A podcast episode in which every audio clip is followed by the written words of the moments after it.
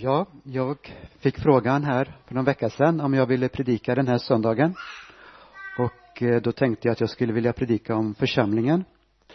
Och i fredags på Zoombönen så läste Bengt-Arne från Romarbrevet 12, 9 till 13.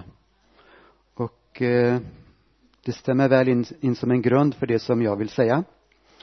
Och där står det så här. Älska varandra uppriktigt, avsky det onda, håll fast vid det goda. Var innerligt tillgivna varandra i syskonkärlek. Överträffa varandra i ömsesidig aktning. Var inte tröga när det gäller iver. Var brinnande i anden, tjäna Herren.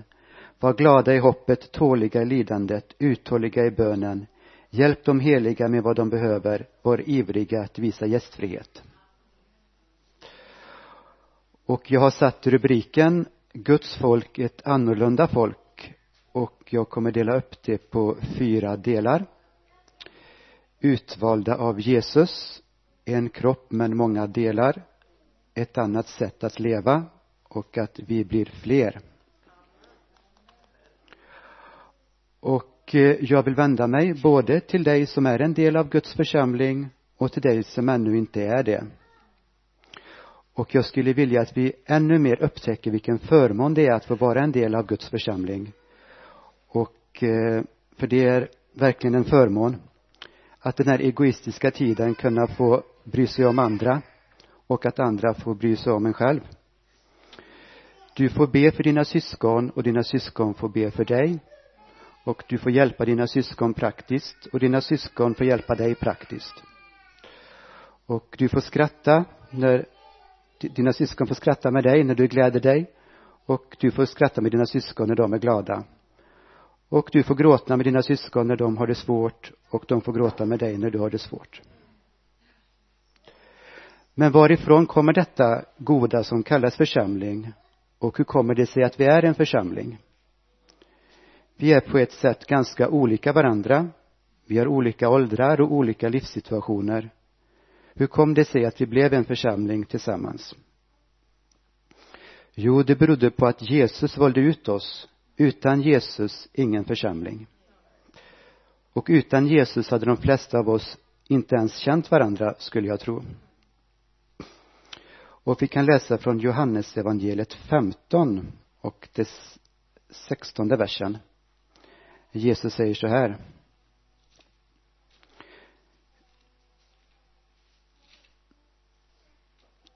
Ni har inte utvalt mig, utan jag har utvalt er. Det var inte vi som valde Jesus, det var Jesus som valde oss. Och det är verkligen en förmån att Gud i sin storhet, att han valde ut oss genom sin son Jesus.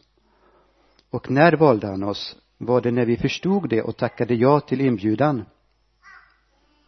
Om någon ska bjuda till en stor fest så behöver det planeras lång tid i förväg för det är mycket som ska förberedas. Långt innan festen börjar så bestäms det vilka som får komma till festen. Så var det också när Gud valde ut oss. Han gjorde det långt innan vi tackade ja till inbjudan. Paulus han hade stor omsorg om sina flera församlingar och en av de församlingarna var församlingen i Efesos. Och han skriver om detta där i kapitel 1, verserna 3 till 4.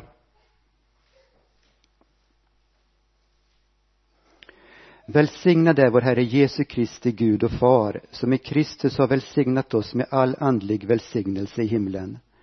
Han har utvalt oss i honom före världens skapelse till att vara heliga och fläckfria inför honom. När skapades världen? Jag kan inte ge ett exakt svar på det, men det var hur som helst lång tid innan någon av oss föddes. Så det är verkligen ett bevis på Guds storhet att han valde ut oss före världens skapelse till att få tillhöra honom och få vara en del av hans församling. Så det är verkligen en nåd och en förmån att vi har fått bli utvalda av Gud. Men varför valde Gud ut oss? För att vi hade varit duktiga? Nej, verkligen inte. För det var ju på samma sätt med oss som med dem som var en del av församlingen i Korint på Bibelns tid. De flesta av oss var inte mäktiga eller förnäma och även om vi hade varit mäktiga eller förnäma i den här världens ögon så hade inte det betytt något inför Gud. För Paulus skriver i första Korinthierbrevet 1, 26 till 31.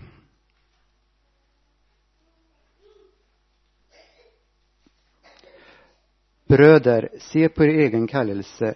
Inte många av er var visa på världens sätt. Inte många var mäktiga, inte många förnäma.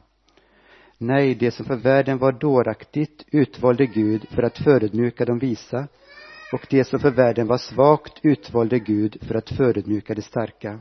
Och det som för världen var obetydligt och föraktat och inte fanns till, det utvalde Gud för att tillintetgöra det som fanns till, för att ingen människa ska berömma sig inför Gud. Tack vare honom är ni i Kristus Jesus. För oss har han blivit vishet från Gud, rättfärdighet, helgelse och återlösning. För att det ska bli som det står skrivet, den som berömmer sig ska berömma sig av Herren. Det är tack vare honom som vi är i Kristus Jesus.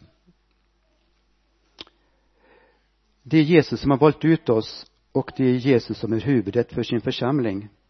Vi är kroppen och han är huvudet. Och vi ska läsa från första Korinthierbrevet 12 och 12 till 13.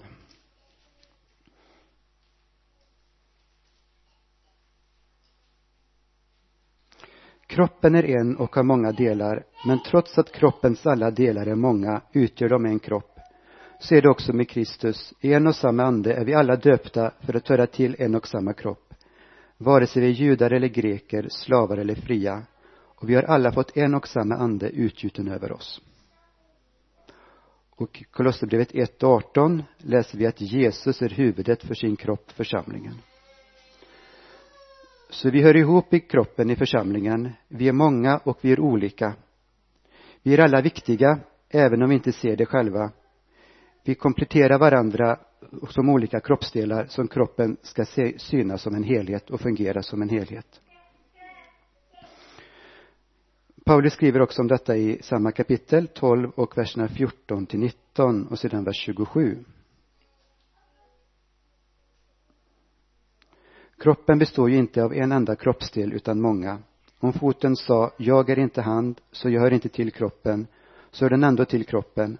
Och om örat sa, jag är inte öga, så jag inte, hör inte till kroppen, så hör det ändå till kroppen.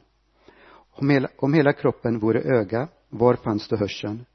Om allt vore hörsel, var fanns då luktsinnet? Men nu har Gud satt samman delarna i kroppen, var och en av dem som han ville. Om alla vore en enda kroppsdel, var vore då kroppen? Och sen är vers 27. Ni är alltså Kristi kropp och var för sig delar av den. Så här långt har vi talat om att Jesus har valt ut oss och att vi är en kropp med många delar. Och eh, nu ska vi gå vidare och tala om att vi har ett annat sätt att leva. Vi har ett annat sätt att leva och det visar på Jesus. Och när vi hör ihop i kroppen så visar vi på Jesus tillsammans. Vi finns i den här världen, men vi lever ett annorlunda liv. Vi lever ett liv i kärlek till varandra i församlingen och till alla vi möter genom Guds utgivande kärlek. Och på så sätt visar vi på Jesus. Det, är Jesus, det var Jesus som valde ut oss och inte vi som valde honom. Och på samma sätt är det med kärleken. Den har sitt ursprung i Gud, vi älskar Gud och varandra eftersom han först har älskat oss. Och vi läser om detta från första Johannesbrevet kapitel 4 och vers 10.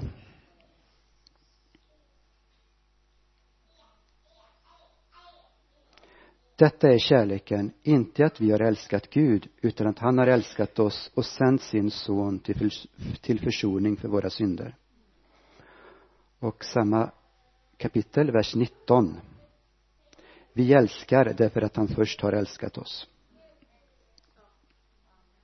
Kärleken präglar församlingens inre liv och vi får föra den kärleken vidare utanför församlingen.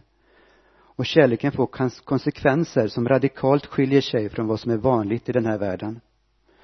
Ta Jesu undervisning från bergspredikan till exempel. Vi kan läsa från Matteus evangeliet kapitel 5 verserna 38 till 41.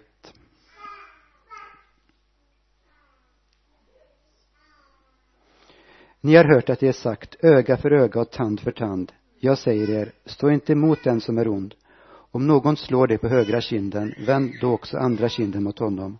Om någon vill dra dig inför rätta och ta din tunika så låt honom få manteln också. Om någon tvingar dig att gå med en mil så gå två mil med honom. Och vers 44 jag säger er älska era fiender och be för dem som förföljer er. Det är bara genom Guds kärlek som man kan vända andra kinden till eller gå den extra milen för någon annan och det här annorlunda livet präglat av Guds kärlek ger oss också ett annat sätt att tänka på vem som är stor och vad som är viktigt. Jesus kom till vår jord som en tjänare och vi bör i kärlek vara varandras tjänare. Jesus säger om detta i Matteusevangeliet kapitel 20 och vers 25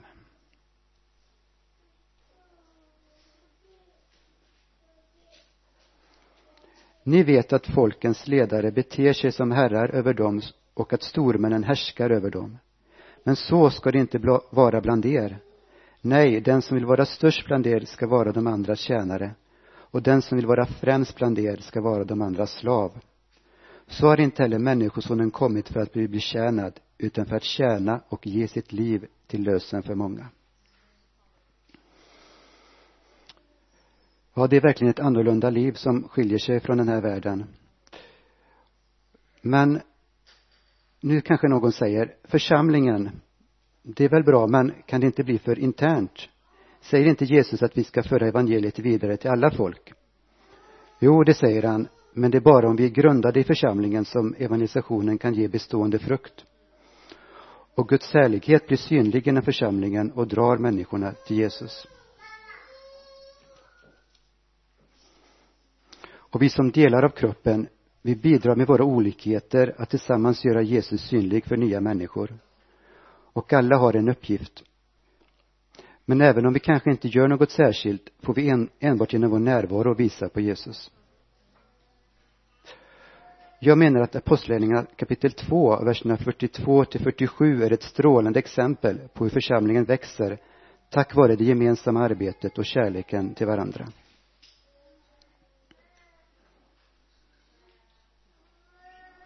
De höll troget fast vid apostlarnas undervisning och vid gemenskapen, brödsbrytelsen och bönerna. Varje själ greps av bävan och många under och tecken gjordes inom apostlarna. Alla de troende var ju tillsammans och hade allt gemensamt. De började sälja sina egendomar och ägodelar och delade ut till alla efter vars och ens behov. Varje dag var de troget och enigt tillsammans i templet och i hemmen bröt de bröd och delade måltid med varandra i jublande innerlig glädje. De prisade Gud och var omtyckta av hela folket och Herren ökade var dag skaran med dem som blev frälsta. Det står att apostlarna gjorde många under och tecken och det var ett starkt vittnesbörd för nya människor. Men jag tror att de troendes gemenskap när människor utanför såg deras kärlek till varandra också var ett starkt vittnesbörd som förde människor till Jesus.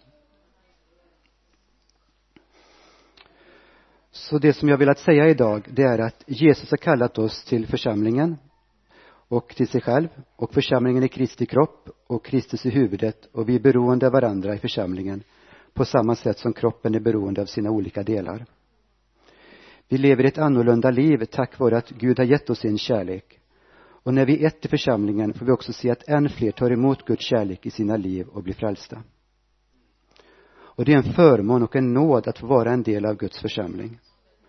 Och du är viktig för dina syskon för att de ännu mer ska upptäcka detta och dina syskon kan hjälpa dig att du också ska upptäcka det ännu, mer, ännu bättre. Och du som ännu inte upptäcker, upptäckt rikedomen i Guds församling, du är välkommen att vara med på en spännande resa. Och allt kommer ifrån Gud som har utvalt oss och älskat oss. Vi får av tacksamhet svara ja och ge vår kärlek tillbaka till honom och till varandra i församlingen och till alla som vi möter. Amen.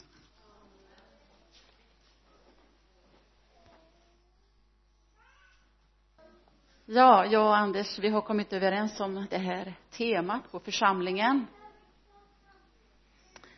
Och eh, jag ska sammanfatta mitt ärende, min eh, predikan. Vi är på väg mot himlen. Vårt mål är himlen. Och vi har målet för ögonen. vi ska ha målet för ögonen i alla fall allt pekar framåt mot en ny tid i Guds himmel i nära gemenskap med Gud. Och eh, vi behöver förbereda oss. Vi behöver trons rättfärdighet. Vi behöver uthållighet och vi behöver varandra. Vi behöver styrka varandra i vår tro och uppmuntra varandra. Och eh, domen över världen kommer men det kommer också en ny himmel och en ny jord. Och det är det evangeliet som vi tillsammans ska sprida. Evangeliet, de goda nyheterna. Att det kommer en ny, det kommer en dom men det kommer en ny himmel och en ny jord. Domen kommer men om vi är renade i Jesu blod så kommer vi att få lam, vara med på lammets bröllop vi kommer att få vara med på festen i himlen som Anders också var inne på. Att Gud har förberett någonting för oss och han har gjort oss eh, förberedda för den himmelska festen. Och eh, det här var mitt ärende och jag kommer att gå igenom det här. Jag har min utgångspunkt i bibelns sista bok och det är uppenbarelseboken. Och eh, det är ju inte den lättaste boken att predika över men jag kommer att skumma igenom eh, uppenbarelseboken. I noten till uppenbarelseboken står det om, om boken. Uppenbarelseboken. Boken skildrar himmelens härlighet och Guds seger över ondskan vid tidens slut. Boken är skriven av Jesu apostel Johannes. Johannes som vid det här tillfället sitter som fånge på ön Patmos och han tar emot uppenbarelser från Gud om den sista tiden, om tider av förföljelse och slutligen också om Guds totala seger över ondskan. Och eh, vi börjar med att läsa i uppenbarelseboken 1, 1 2 detta är Jesu Kristi uppenbarelse som Gud gav honom för att visa sina tjänare vad som snart måste ske. Han sände sin ängel och gjorde det känt för sin tjänare Johannes som har vittnat om Guds ord och Jesu Kristi vittnesbörd. Allt vad han själv har sett. Johannes får här i kapitel 1 i första Mose, eller första eh, uppenbarelseboken kapitel 1 får ett möte med Jesus och blir ombedd att skriva ner vad du har sett och vad som är om och vad som är och vad som ska ske efter detta. Han får ett uppdrag av Herren själv Johannes när han sitter i fängelse på ön Patmos skriv ner vad du har sett och vad som är och vad som ska ske efter detta. Och vi ska läsa ehm, inledningen i uppenbarelseboken här 1, 4 till 6 och det är en kristologi vi börjar med. Det är ett upphöjande av vem Jesus Kristus är. Från Johannes till de sju församlingarna i Asien nåd vare med er och frid från honom som är och som var och som kommer.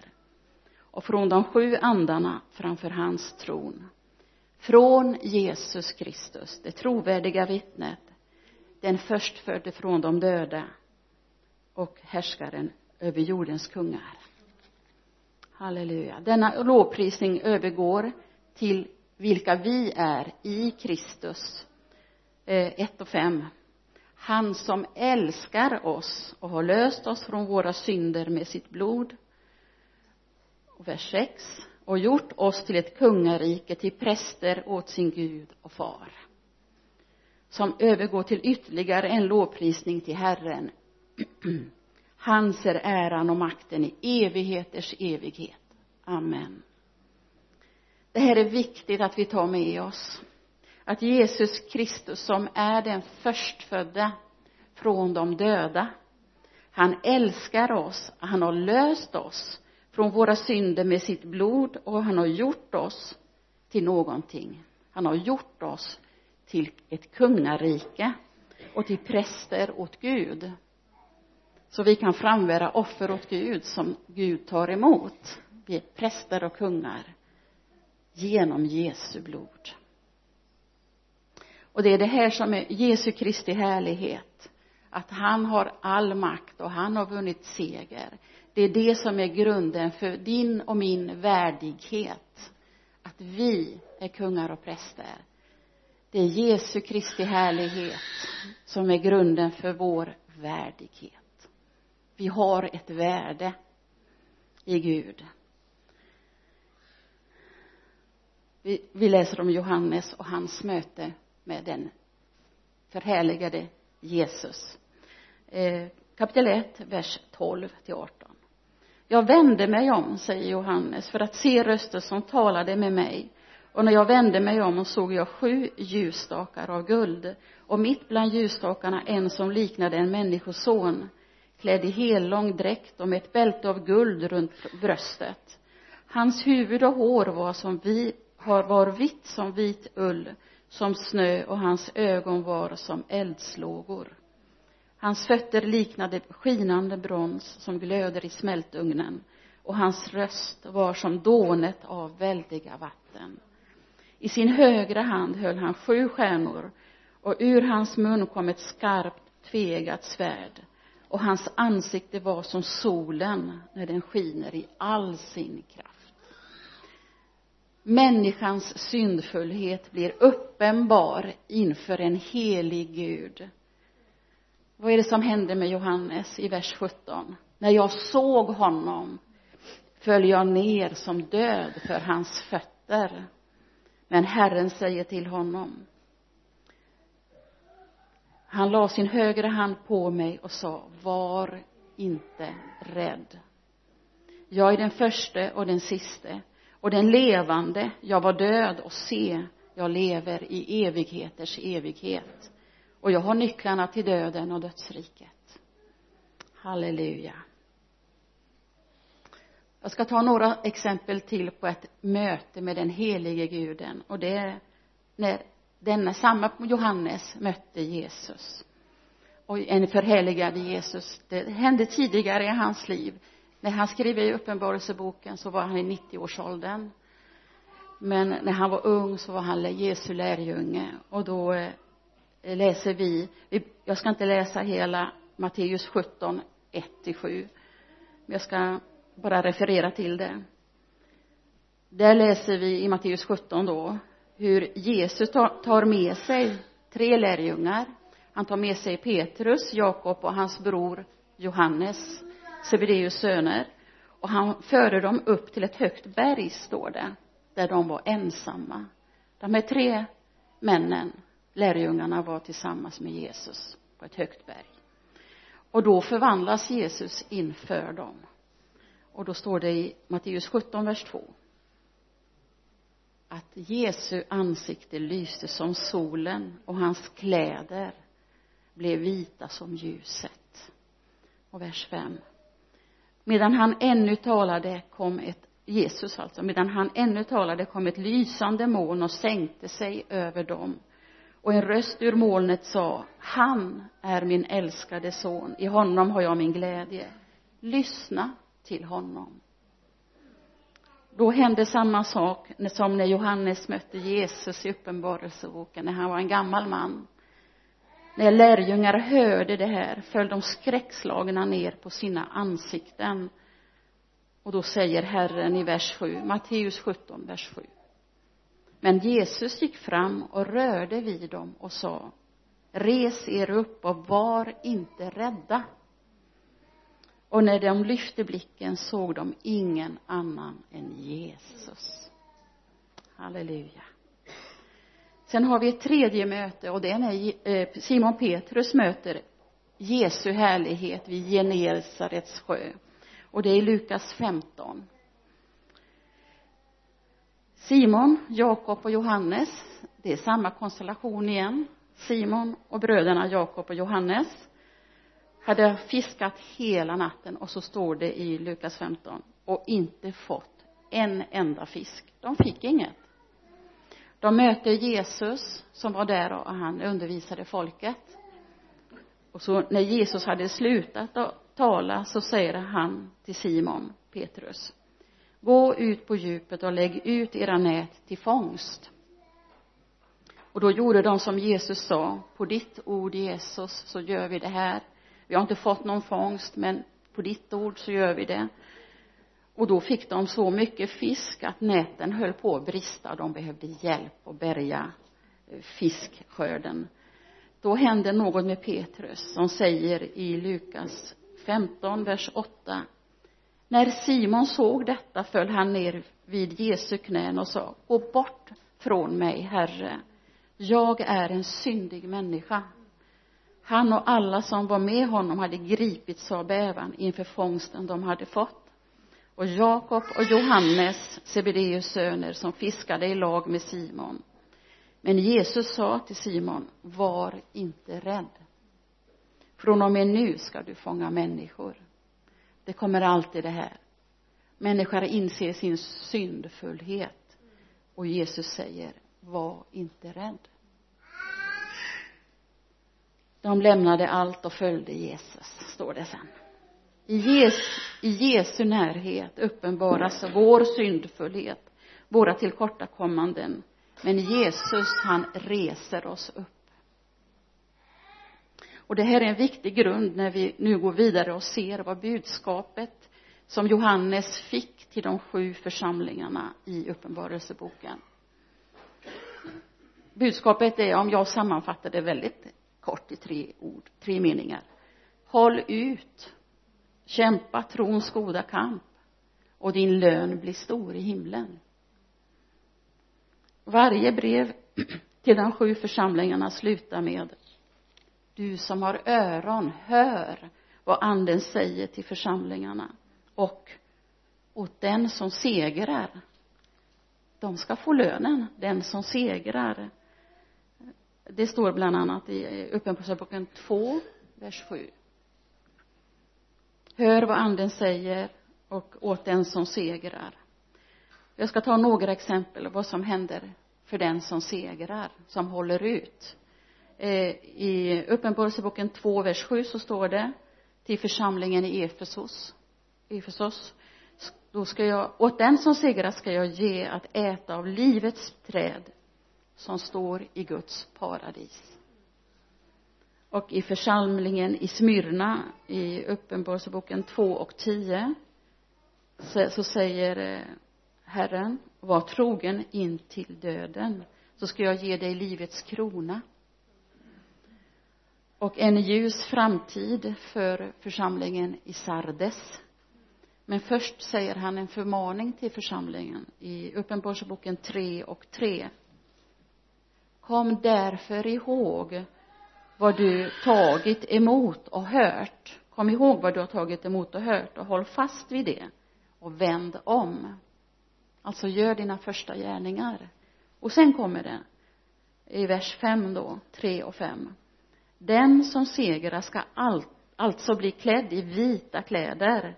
Jag ska aldrig stryka hans namn ur livets bok utan kännas vid hans namn inför min far och hans änglar åt den som segrar den ska få vita kläder. Och till församlingen i Philadelphia uppenbarelseboken 3 vers 10 och 11 talas det om att det kommer svårigheter det kommer svåra tider det kommer prövningar.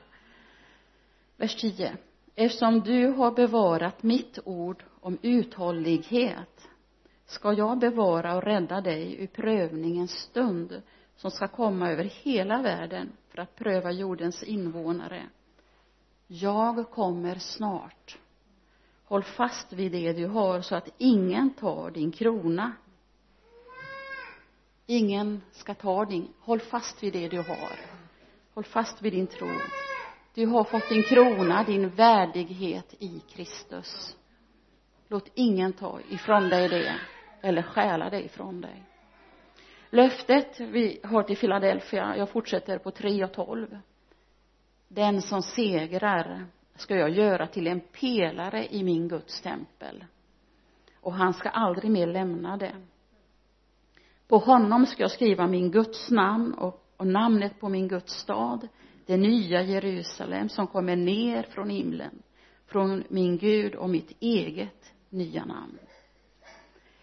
Efter dessa hälsningar till de sju församlingarna nu har jag bara skummat jag tog inte alla heller Eh, till de sju församlingarna så fördes Johannes i sin syn inför tronen i himlen. Och rösten som Johannes hade hört från början sa i Uppenbarelseboken 4, vers 1 kom hit upp så ska jag visa dig vad som måste ske efter detta. Kom inför tronen så ska jag visa dig vad är det Gud ville visa Johannes? Det som måste ske efter detta. Eh, vi går till kapitel 5 då står det, jag sammanfattar igen nu då. I han, han som satt på tronen, i hans högra hand fanns en bokrulle med sju sigill. Och endast eh, vers 5 endast lejonet av Judas stam, Davids rotskap, rotskott som har segrat kan öppna bokrullen och dess sju sigill och i kapitel 6 så står det att de sex första sigillen bry, bryts. I 6 vers 12 så står det att när det sjätte sigillet bröts så blev det en stor jordbävning. Solen blev svart mån, månen blev som blod så vidare. Människorna fruktade Gud, Guds vrede och sökte att gömma sig.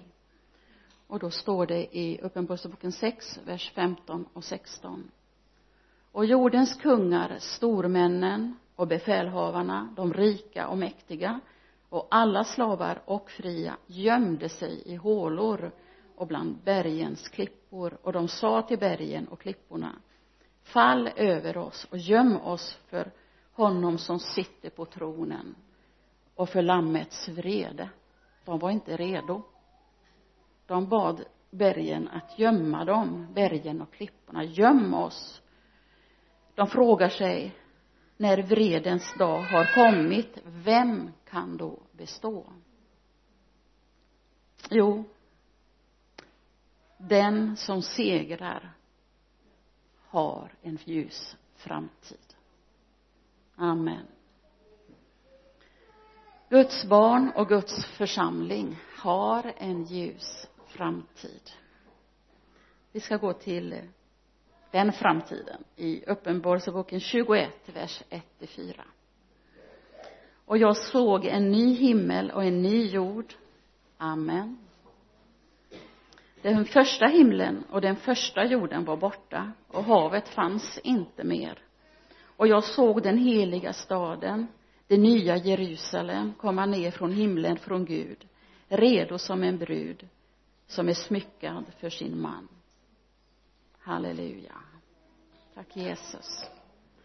De som har tvättats rena i Jesu blod har tillträde till himlen, till Guds närvaron uppenbarelseboken 19 vers 7 så står det låt oss glädjas och jubla och ge honom äran för lammets bröllop har kommit och hans brud har gjort sig redo.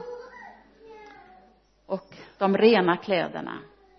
Eh, uppenbarelseboken 19 vers 8 och 9 skinande rent linne har hon fått att klä sig i. Linnet är de heligas rättfärdighet och ängeln sa till mig skriv. Saliga är de som är bjudna till lammets bröllopsmåltid. Och han tillade dessa Guds ord är sanna. Halleluja. Har du på dig rena kläder? Har du fått ditt namn skrivet i livets bok? Om inte det finns ännu tid det finns ännu hopp ta emot Jesus och i honom blir du rättfärdiggjord. Eh, Romarbrevet 5 och 1 säger när vi nu har förklarats rättfärdiga av tro har vi frid med Gud genom vår Herre Jesus Kristus. Vi kan alltså få rättfärdigheten och frid med Gud genom tro på Jesus Kristus. Amen ta emot Jesus som din frälsare. Låt döpa dig och genom dopet bli inlemmad i Guds församling. Vi behöver varandra i den sista tiden när Jesu återkomst närmar sig. Och låt oss finna glädjen i att göra Guds vilja och att vara i Guds vilja. Det tror jag är livets mening faktiskt. Att göra Guds vilja och vara i den jag ska läsa från Hebreerbrevet 10.36 ni behöver uthållighet för att göra Guds vilja och få vad han har lovat. För ännu en kort liten tid så kommer han som ska komma och han ska inte dröja. Amen.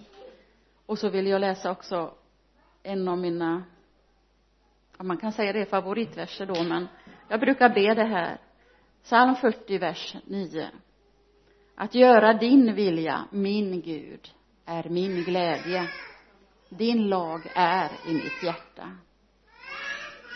Som jag sa låt vår glädje vara i att göra Guds vilja och vara i Guds vilja. Räta på dig. En sista hälsning. Räta på dig. Du har fått kungavärdighet i Gud du har fått du ska få segerkransen i himlen. Du får vara med på festen måltiden i himlen. Men vi ska bara fullborda vårt lopp här på jorden. Jag avslutar med att läsa andra Timoteusbrevet 4 vers 7 och 8 när Paulus skriver till Timoteus. Jag har kämpat den goda kampen. Jag har fullbordat loppet jag har bevarat tron. Nu väntar rättfärdighetens segerkrans. Den ska Herren den rättfärdige domaren ge mig på den dagen och inte bara mig utan alla som älskar hans återkomst. Och det gör vi väl. Vi älskar hans återkomst. Och då ska vi få rättfärdighetens segerkrans i himmelriket amen.